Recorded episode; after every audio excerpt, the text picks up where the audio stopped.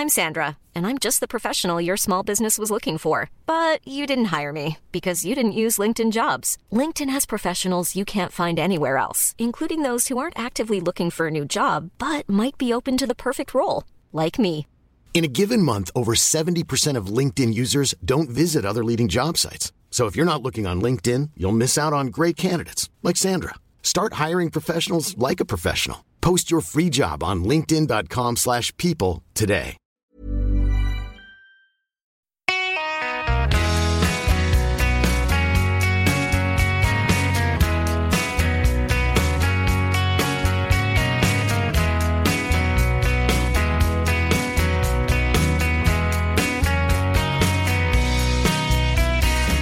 Jag, Henrik Ingvarsson och min kompis och kompanjon Lennart Persson slår härmed upp portarna för det 35 avsnittet av denna podcast.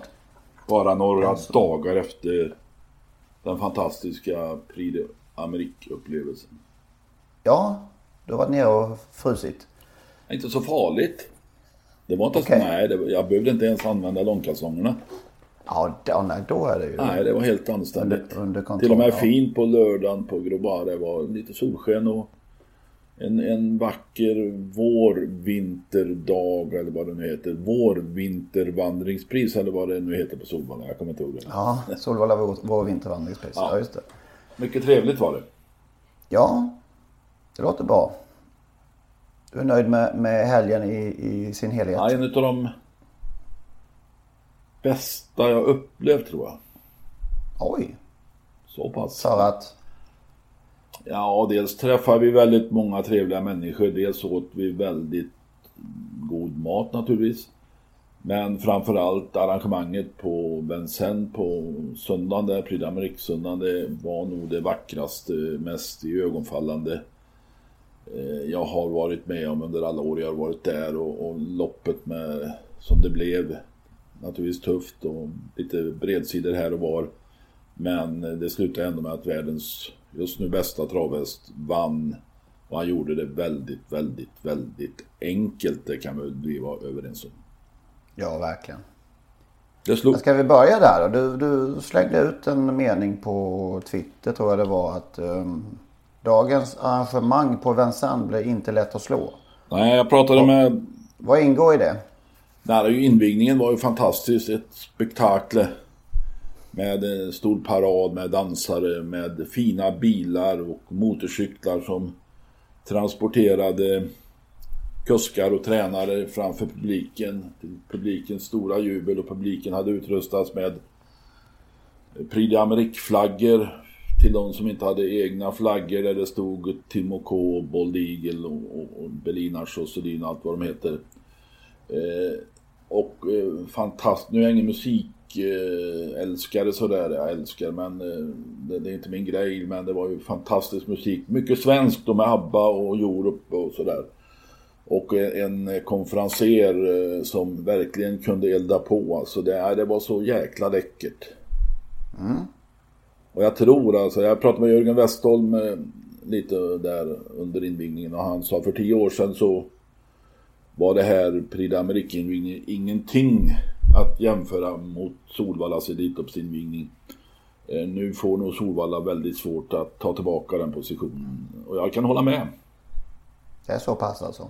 Ja, sen kan man konstatera att jag tror alltså utan att vara säker att de tog fem euro i entré på söndagen.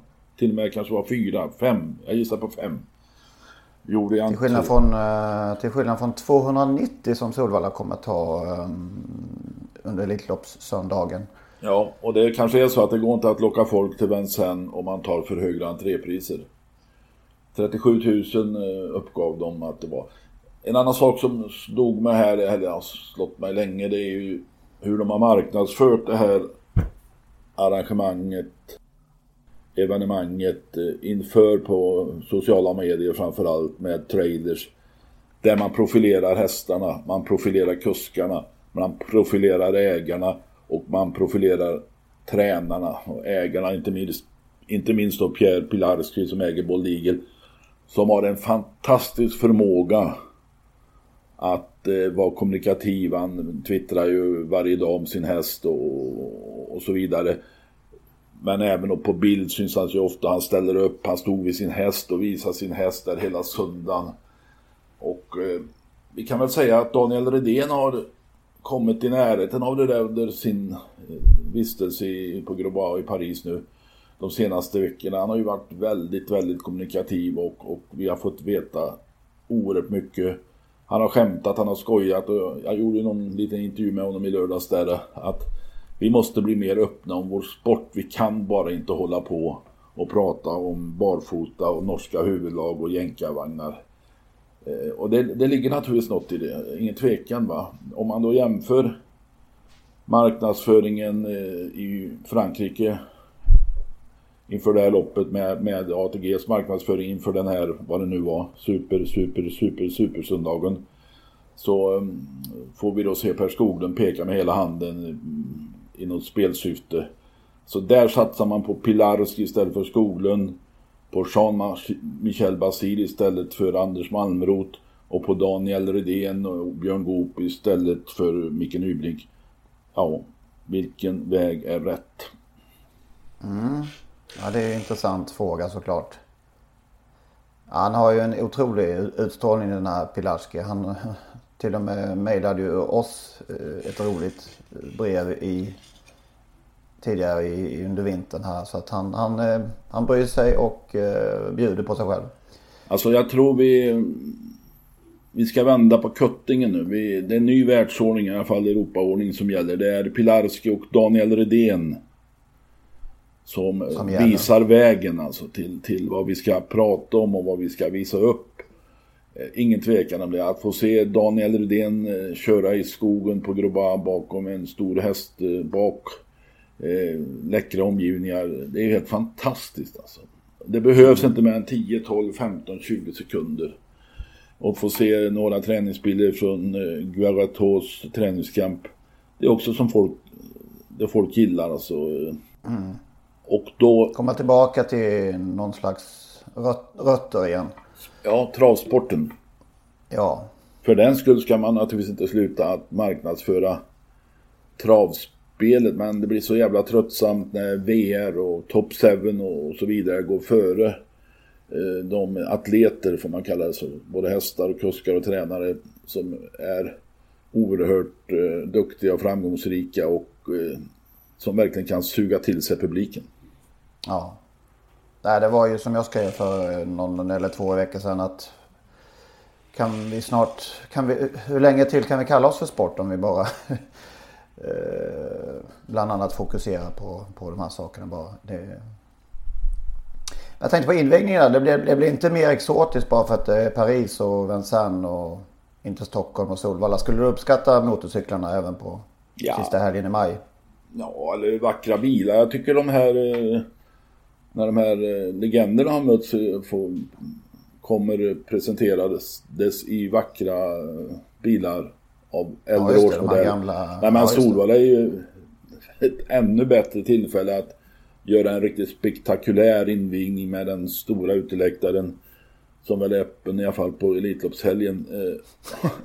Eh, och i ett vack, vackra vårvädret, alltså det, det, finns ju ingen bättre plats på jorden. Nej. Än en lite kall januaridag på Vincennes. Så att eh, Solvalla har ju flera fördelar i det avseendet. Alla möjligheter kan vi säga då. Ja, det tycker jag.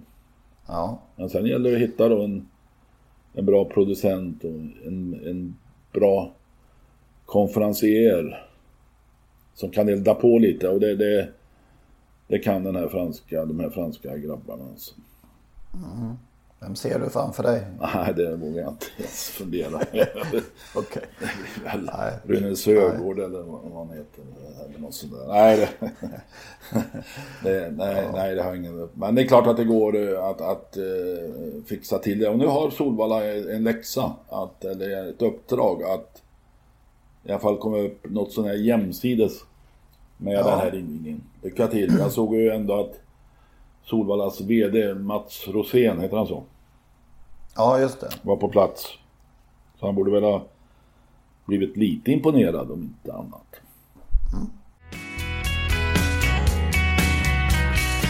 Du var inne på Sebastian Guatora. Uh, Han känns ju som en...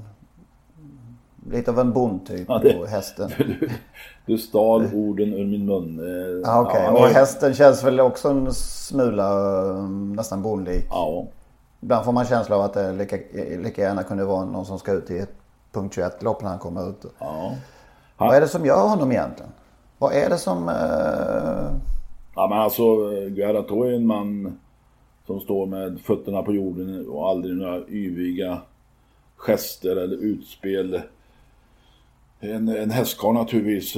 Han stod där vid sin häst och de som ville titta, titta på honom, titta in i alla fall nära boxen så stod eh, och visade. Och även Pilarski då. Eh, Guerrato fick ju ett finbesök där också, Bold Eagle också. Under söndagen där när Stefan Hultman gästade. Jaha. Stefan Hultman åkte ju dit och fick då pussa eh, Bold Eagle på mulen. Och Okej. med sig hade han då Mats Sundin som har två hästar hos Guarato. Och Precis. Guarato och, eh, Ni ser det ja, till exempel. och en nybliven treåring. Och eh, de fick ju då träffas för första gången. Eh, Tony Ryttar skötte då Guarato pratar ingen engelska och Sundin ingen eller dålig franska, vad vet jag. Eh, Så att de eh, fick ju träffas och pratas vid för första gången med Tony Ryttars hjälp. Okej. Sundin och Hultman åkte ett litet privatplan till Paris. Oj, oj, oj.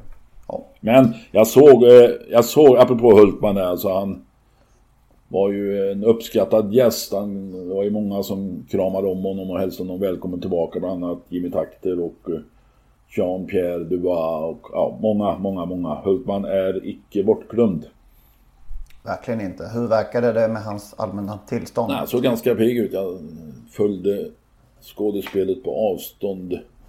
Eh, men eh, från övre våningen där ovanför stallbacken. Men eh, såg pigg ut. Och jag tror han var väldigt, väldigt glad över att vara där. Och också tacksam och glad över att så många ja, inte bara kände igen honom utan tyckte att det var kul att se honom igen. Han verkar vara på gång lite sakta men säkert. Det tror jag. Men med hästen då? Alltså, Hästen. hur, hur, han ser inte mycket ut för världen. Han måste ju ha ett fruktansvärt... eh, En motor som är ofattbar. ja, är det bakaktionen liksom? Ja. Ett, ett, från, ett frånskjutet sjuhelvetes? Ja, så inställning. Alltså jag, jag uppfattar den där gesten som Sean Mi eh, på upploppet när han ryckte eller, armen i skyn med fem, fyra fingrar och tumme rakt upp. Och, eh, det skulle naturligtvis kunna uppfattas som en, en grattisgest till eh, Frank Nivar men eh, det kändes som att det var en uppgiven gest. Det går helt enkelt inte att slå den här hästen, Bold Eagle. Nej. Alltså man trodde ändå när han svängde in på upploppet. Han hade några meter fram Boldigen och så kröp han ner i rygg lite och räcker detta nu och så tog han ut den och så, ja, så var det slut. Så pang så sa det pang. Vi har, Fick han ju som sagt, eh, som vi alla sagt, ett väldigt fint lopp av eh, Frank Nivard. vi hade ju alla letat fel. Det twittrades under hela söndagen att hästen var halt och hästen var nyklippt, hade satt vinterpäls och du och jag har också försökt att leta på fel under de här veckorna för att om möjligt bädda för någon Daniel Redén häst. Det- Det blir ju lite så. Där står vi med våra ytterst långa och blåfrusna näsor. Ja, vi har väl alla varit medvetna om att eh, om, om, eh, om man skulle få ett sånt lopp som man fick och han skulle vara någorlunda i ordning så, så var risken uppenbar att det skulle gå som det gick. Ja, så är det. Vad sätter vi, vad sätter vi in dig här i? Det var ju världsrekord. Var det också därmed det bästa vi har sett? Ja, det, det, alltså det, vi har ju sett så många Orasi, en och de här genom åren. Eh, Men det är klart att Bodigel är förmodligen en av de bästa hästarna i världen genom tiderna. Det, det skulle jag tro. Eh, Även om det är svårt att jämföra. Ja. Men Så fick vi dess, ja. vi vill ju se honom på en annan bana, på en annan distans, på bortaplan. ja visst, nu vill vi ha honom till våra grytor. Ja, i alla fall till en gryta. Och det är väl uppenbart att eh, Pilarski och Guarato är inne på att åka till Elitloppet. om hästen är i form.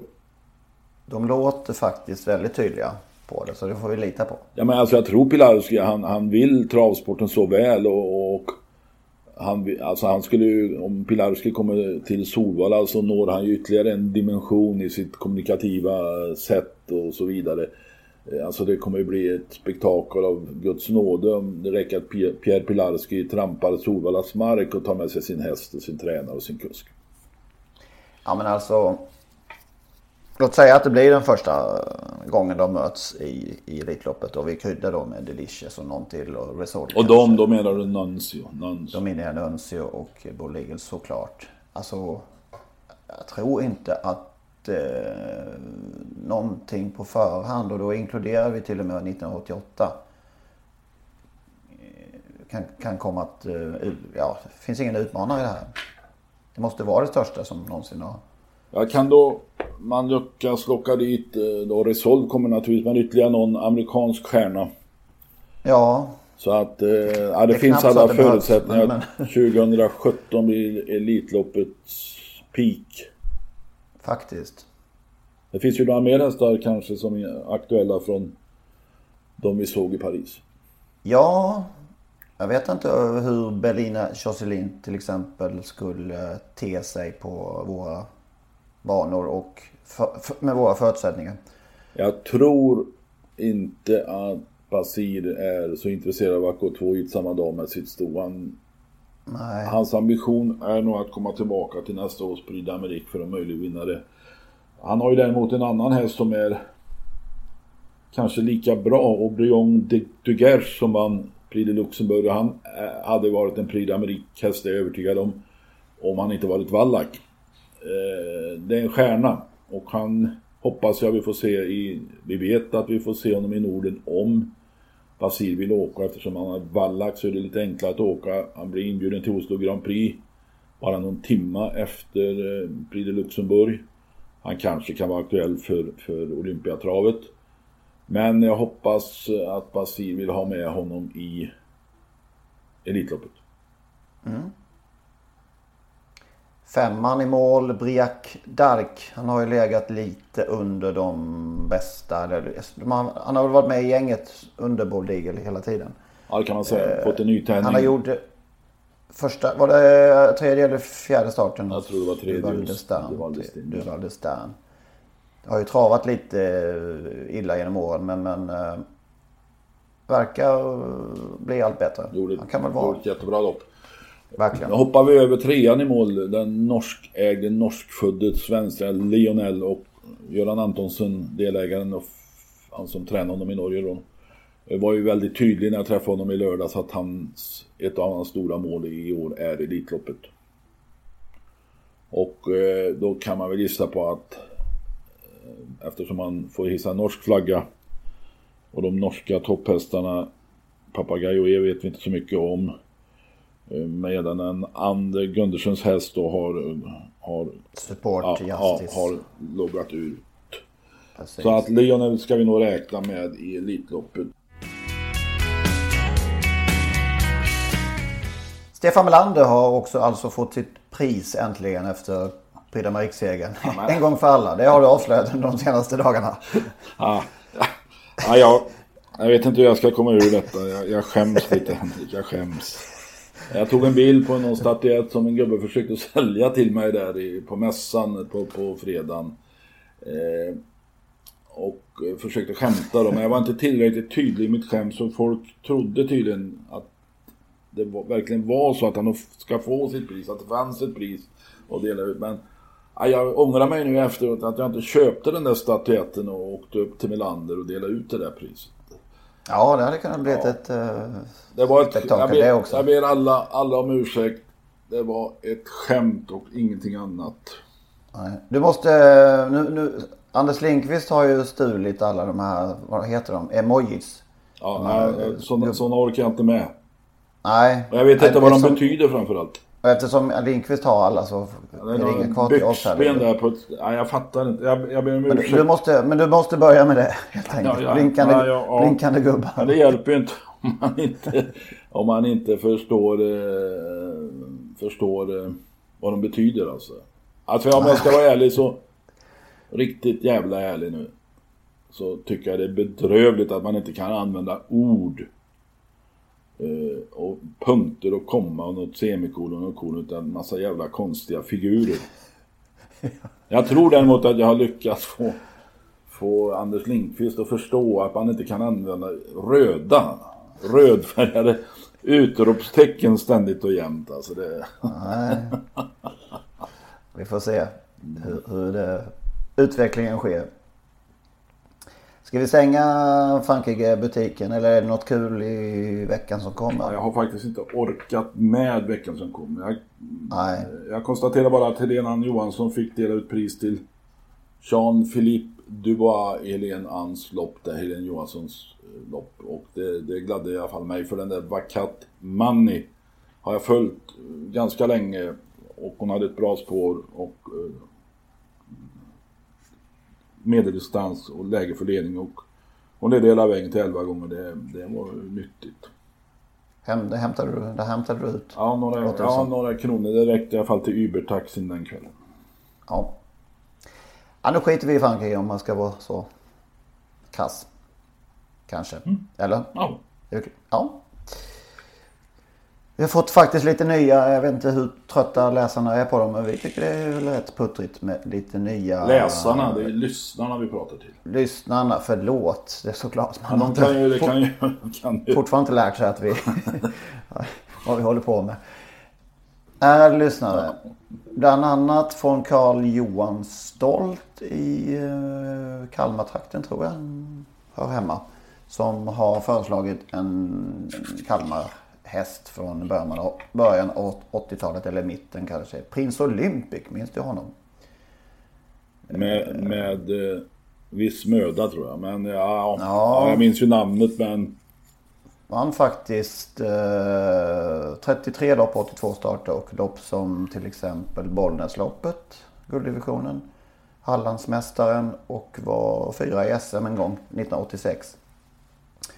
Stor profil på, på eh, Kalmartravet helt enkelt. vem tränade? Trä, tränades av Alvar Persson Ja, just det nu. Alvar. i Hallabro av alla ställen. Eh, norra Blekinge. Tillhör det, Ronneby. det är dina hemtrakter? Ja, Ronneby kommun. Jag har faktiskt spelat lite fotboll där på Björkavallen Okej. i Hallabro. Och eh, när jag var tio år skulle slå en frispark en bit in på motståndarnas planhalva. Varför skulle du slå frisparken? Nej, jag var lite eh, mittfältskung där i pojklaget. Sköt sönder bollen. Luften gick ur alltså? Luften gick ut. Så hårt sköt jag när jag var tio. Det är Du och Gunnar, Nej, du och Gunnar Nordahl. Ja, just det. Ja, men det är ett så starkt minne från barndomen. Ett sånt som där som etsat sig fast för all evighet. Var det en snörad boll eller? Nej, det, men det var ju en hå, ganska hård variant. Men storlek 4 var det väl då på den tiden. Där. Eh, så läste jag på lite om Hallabro här och det hade gått mig helt förbi. Att, vet, kan du gissa vem som har bott där? Om du ger mig tusen försök så kommer vi hålla på många timmar. Jag kommer ändå inte få rätt. antagligen. Det är alltså Kenta Gustafsson. Från eh, Mods-trilogin Ett anständigt liv och de kallar oss Mods eh, där i början på 70-talet. Och, och han var ju med i Melodifestivalen och ett, en stockholmare som levde ett hårt liv. Och som ju eh, sjunger vår inmarschlåt varje... Jag sjunger helt enkelt hans låt varje hemmamatch på Hammarbys matcher. Just det.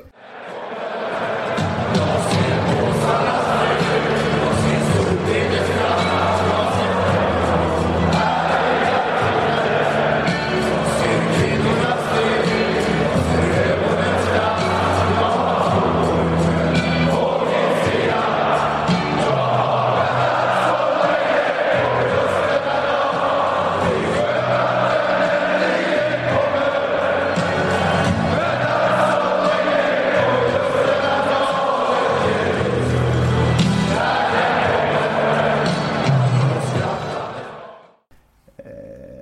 flyttade dit och bodde där mellan 1991 och 1996 för att refle- reflektera över livet och kanske komma ifrån storstads, det hårda storstadslivet. Och jobbade på idrottsplatsen. Vaktmästare. vaktmästare en stund där på, på eh, idrottsplatsen som heter Björkvallen. Jag hittade klipp från min gamla lokaltidning Sydöstran. Eh, där de bland annat berättar om en minnesvärd episod när Kenta var mycket missnöjd med spelarna i laget här, belgarna Tallabro IF. Han tyckte att laget var så dåligt att han, han, han vägrade att klippa hela planen. Han klippte bara halva. Jaha. Så att, jag, vet, jag vet inte vad, vad syftet var med detta. det var en, han- demonstra- det var hans- alltså en tydlig demonstration. Ja, det var en tydlig protest mot... Eh, eh, 1996 fly- sak, började dock sakna Hammar, Hammarby och eh, Stockholm och flyttade tillbaka. Och, Och blev vaktmästare på Söderstadion. nej, inte vad jag vet, men, eh, men han fick ju uppleva SM-guldet 2001 och eh, dog väl något år senare, eller två. Men lever ju kvar i Hammarby som sagt eftersom vi sjunger hans låt varje hem- hemmamatch. Ja, ja. Åter till Prince Olympic. Eh, Kalle mindes en gång till och med i Kalmartorvets restaurang där på, på direktspelet. Att pengarna i luckorna tog slut en gång när Prince Olympic vann ett V65-lopp. Det kan man väl tänka sig kanske. Ja, jo man sa det har hänt. Det har hänt. Ja, patriotiska smålänningar. Eh, sannolikt var tydligen en viss Kalle Högström inblandad i något sätt på liret där. Jaha, Det var sonen Lasse som körde där under en period.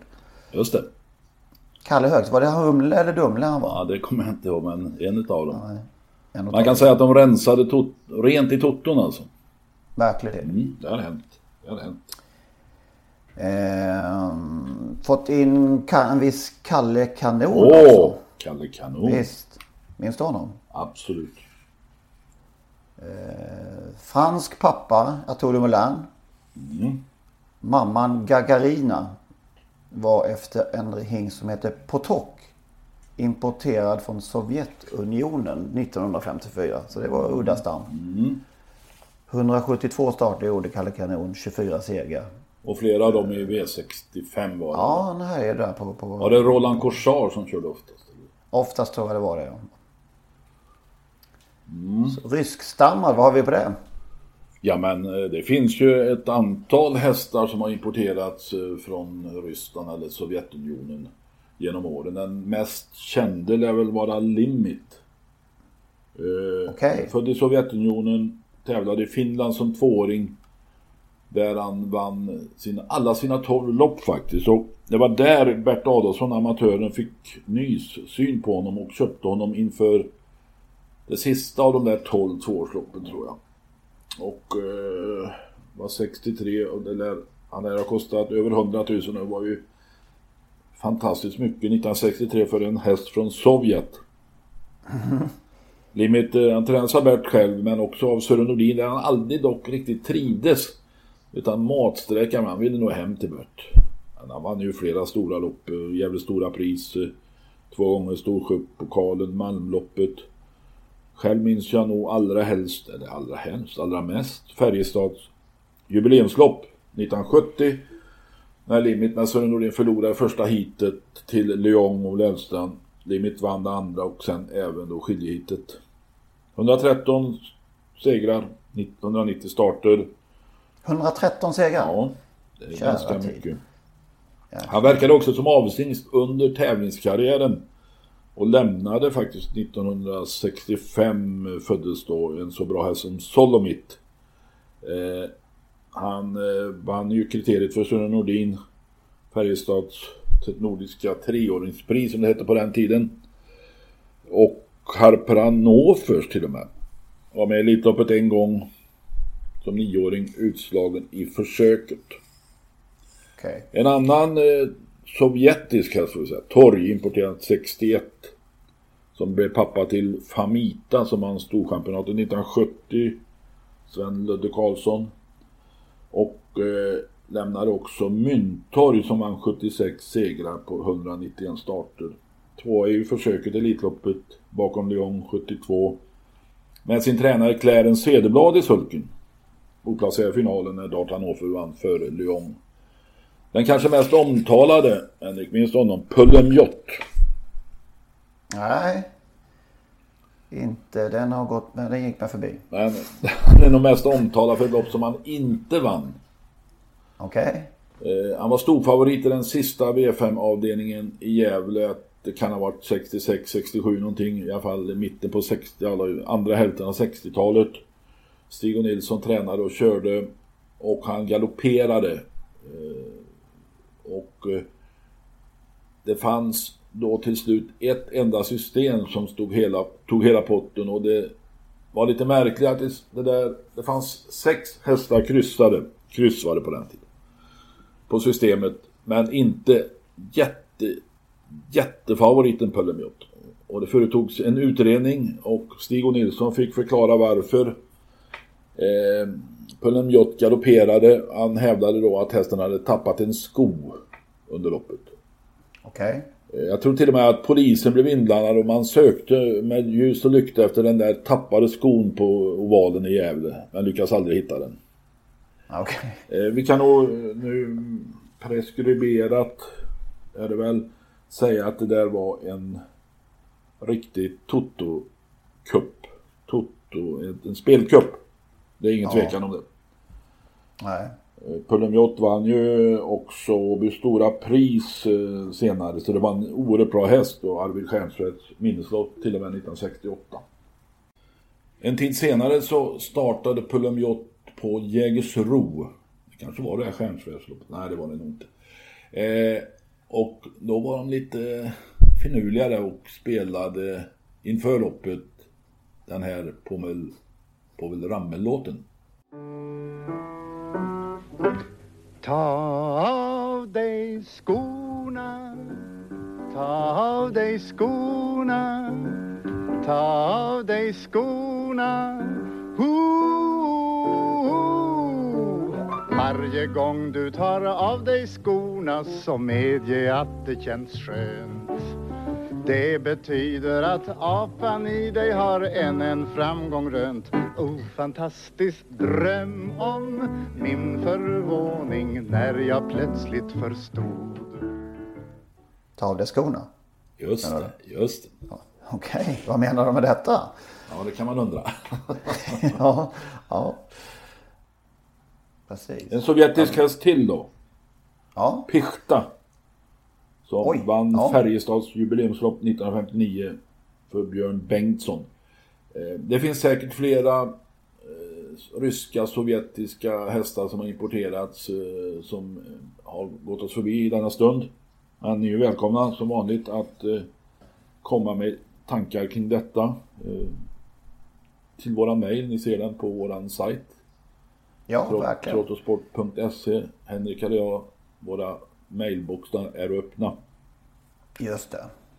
Fick några ytterligare här. Goldie Scotch, Sonja Bengtsson.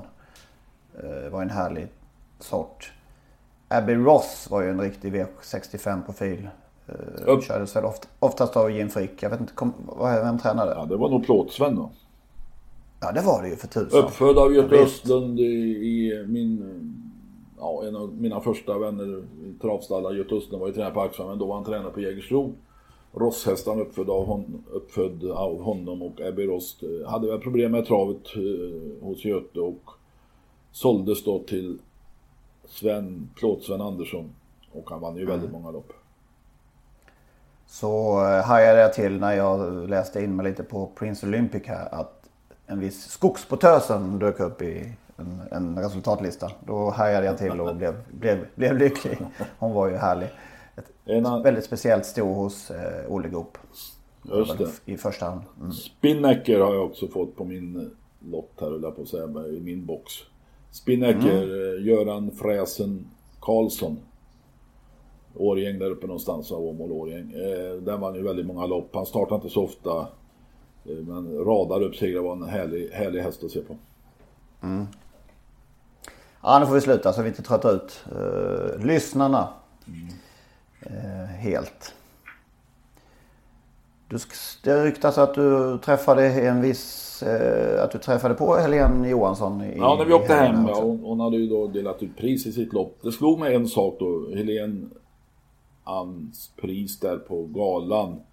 som har blivit mycket populär tycker jag och hon var väldigt glad över att varje år få dela ut det där. Hon har säkert glatt många och det har säkert också varit bra PR för travsporten att, att kvinnorna i ett sånt sammanhang får, får kliva fram lite. Det har varit många eh, fina profiler, härliga profiler där som har fått det här priset. Då slog det mig varför är Helene Ann den enda som har sitt pris på galan? Jim Frick kanske har det nu för tiden. Just det, det har han ju. Men varför, varför hedrar vi inte de här gamla eh, som fortfarande är i livet? Jag kan tänka mig Stig och Johanssons trofé till Årets häst. Jag kan tänka mig Bernt Lindstedts trofé till Årets kusk. Och de här två lirarna, Stig och Bernt, de är alltid med på galan. Alltid gäst på galan, vilket de naturligtvis ska vara, precis som när vi ser fotbollsgalan. Då ser vi de här... Hedersinbjudna. Ja, hedersgäster, de här gamla eh, hjältarna. De är alltid med, samma på Idrottsgalan. Men travet, då glömmer vi. Varför är till exempel inte Olle Goop inbjuden? Är du säker på att han inte är det? Ja, det vet jag eftersom hans hustru är ytterligt irriterad. Ja. Olle skulle man aldrig kunna få att säga något, något eh, eller visa någon form av irritation. Men Annika tycker det är för jävla, ja, kanske, Mm. att han inte är inbjuden. Det håller jag med om. Det är klart att Olle Goop ska vara med på galan varje år. Och då skulle jag kunna tänka mig Olle Goops trofé till årets tränare och sånt där. Mm. Då är det mycket enkelt, då behöver man ju inte... Och sen fyller man på efterhand här när, när då de här... När det blir nya hjältar, för det blir det ju alltid. ja. Eh, Vi, Nej, han är på något vis, eh, det är inte första gången man känner lite grann att eh, Olle Goop hamnar lite vid sidan av dem. Ja, varför alltså? Han är ju ändå men en av de största genom tiderna. Herregud ja. Ja. Alltså min idé nu är att man hedrar de här med ett, ett, en egen kategori på varje gala. ja. Bra förslag. Om jag får vi kan, säga det. Vi, vi kan ju sitta här och tycka det är jättebra men Ja. man måste ju lyssna för att det ska hända någonting. Och det vore väl själva den om man inte kan skicka en inbjudan till, till Olle Goop. Ja, Om inte så kan jag gärna avstå. Jag kan skicka iväg min som jag har fått. Har vi något bästa i, från veckan? Bästa från veckan? Ja, det är klart att det var ju för mig Prix med riksdagen, spektaklet, loppet.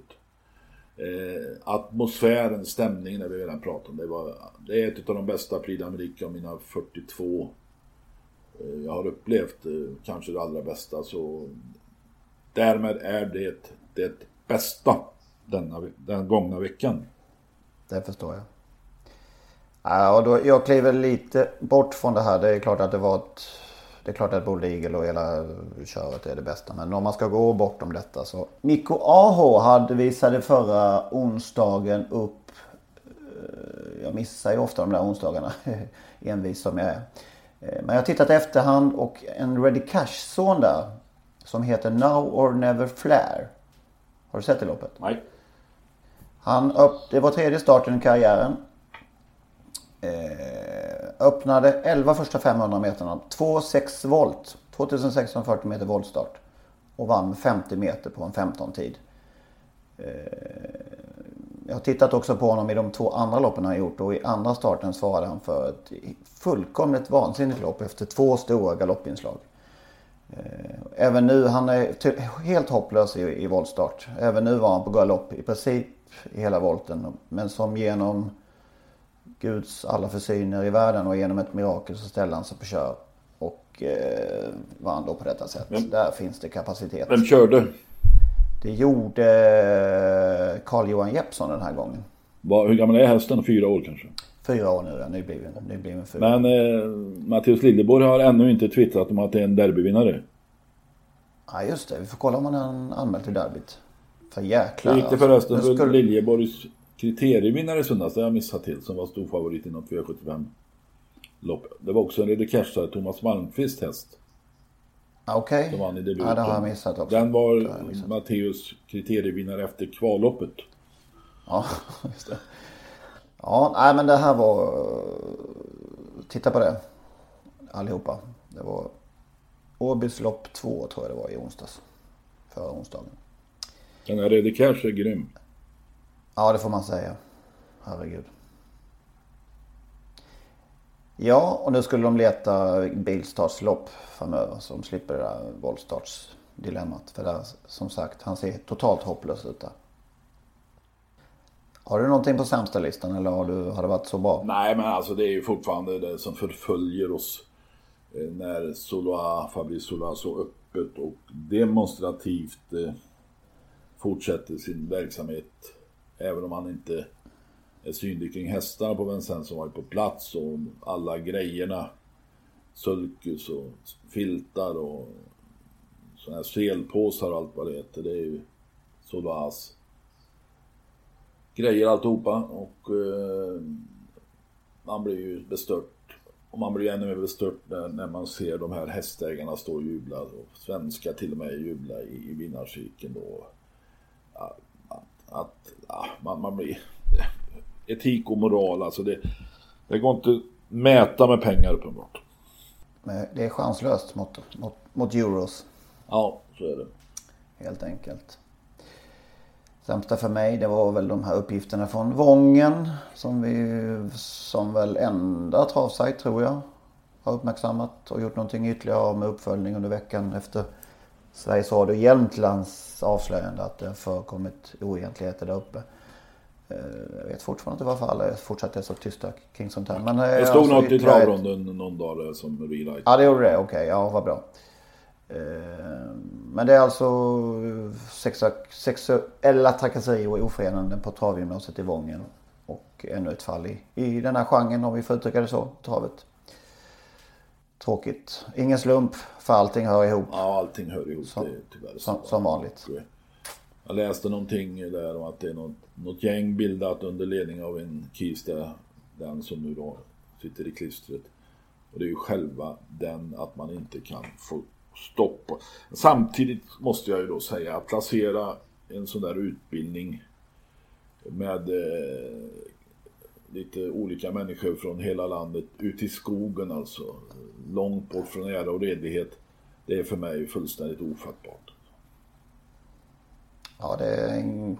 Det, det, det inbjuder tyvärr, tyvärr till sådana här saker. Alltså man bor väldigt isolerat och, och det förekommer alkohol naturligtvis.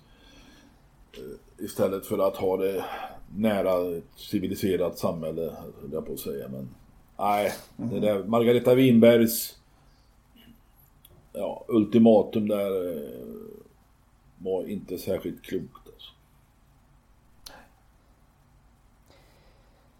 V75 avgörs på Åbyfältet på lördag va? Just Eh, Du är ju en 700 till kallblodsexpert. Ja men den där hästen var egentligen klar. Eh, Den vann hur lätt som helst. Eh, Den blev betydligt mer spelad och sträckad än vad jag hade tänkt mig. Men det är klart, den gick ju ett väldigt bra lopp på Färjestad med sin tränare Henrik Kulblick.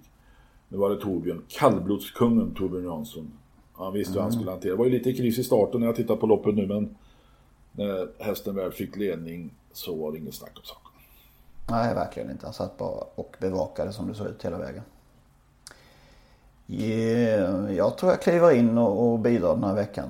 Varsågod. Eh, Faktiskt. Jag tror Adrian Collin, jag vet inte när han vann V75 senast. Det var väl ett tag sedan va? Känns så. Men på lördag är det dags. Partisan Face i V75 2.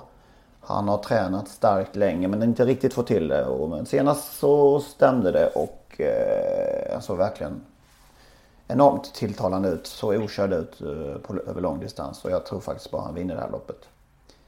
Och vilken facehäst är det här nu då? Ja, Det är ju alltid en berätt, synnerligen berättigad, berättigad fråga. det är någon facehäst i högen där. Det är någon facehäst. Men eh, efter Rajamici och eh, vann ju till exempel tidigt som treåring på 14,5 full väg på, på Solvalla med järnsko och hela balletten. Så blandat och gett sen dess men, men verkar som sagt nu i balans. Och det är en bra facehäst så kan jag säga. eh, har du något? Eh, Nej men du nämnde Mikko Aho nyligen. just det. Han har sin snabbloppshäst får man säga, så guldivåshäst. 18 line ute på lördag då va. Vinner inte han bara i monté nu för tiden? Jo, han har varit i Frankrike och startat i monté men även en del sulkelopp har gått bra i några lopp där nere. Nu kom han hem, vann väl ett montélopp förra veckan eller en och en halv vecka sedan på Bjerke. Ja just det, 13 och 4 på full väg. Och såg hur läcker ut som helst. Spår 2, Björn Goop 1640 meter. Eh, den vinner. I en klen gulddivision. Ja, vi brukar ju tjata om att det, att det är risiga guldlopp på vintern. Kanske det här klättrar upp på någon slags topp. Ja, det är inte, det är inte över hövan så mycket kan jag säga. Så att, eh, Nej.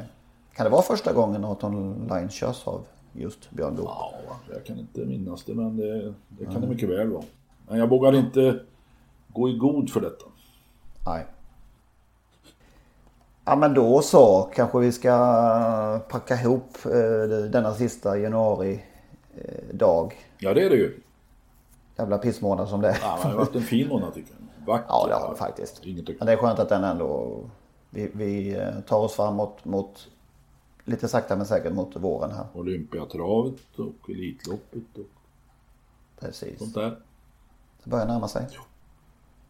Ha det gott! Ja, vi hörs om en vecka igen.